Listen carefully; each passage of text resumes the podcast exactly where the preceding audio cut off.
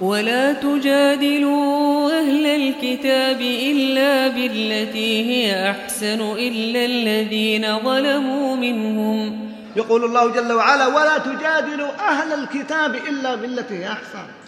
ونص في هذه الآية ادفع بالتي هي أحسن. فإذا الذي بينك وبينه مودة لا. فإذا الذي بينك وبينه عداوة كأنه ولي حميم. كلمة واحدة. تذهب البغضاء والشحناء وتأتي بالحقوق فنحتاج إلى حتى مع أعدائنا بالكلمة الطيبة قد يقول لي قائل ألم يرد في القرآن بعض الكلمات الشديدة؟ بل أمر الله جل وعلا النبي صلى الله عليه وسلم بالإغلاظ على الكفار والمنافقين. نقول بلى لكن متى يكون الإغلاظ؟ يكون الإغلاظ في آخر المطاف.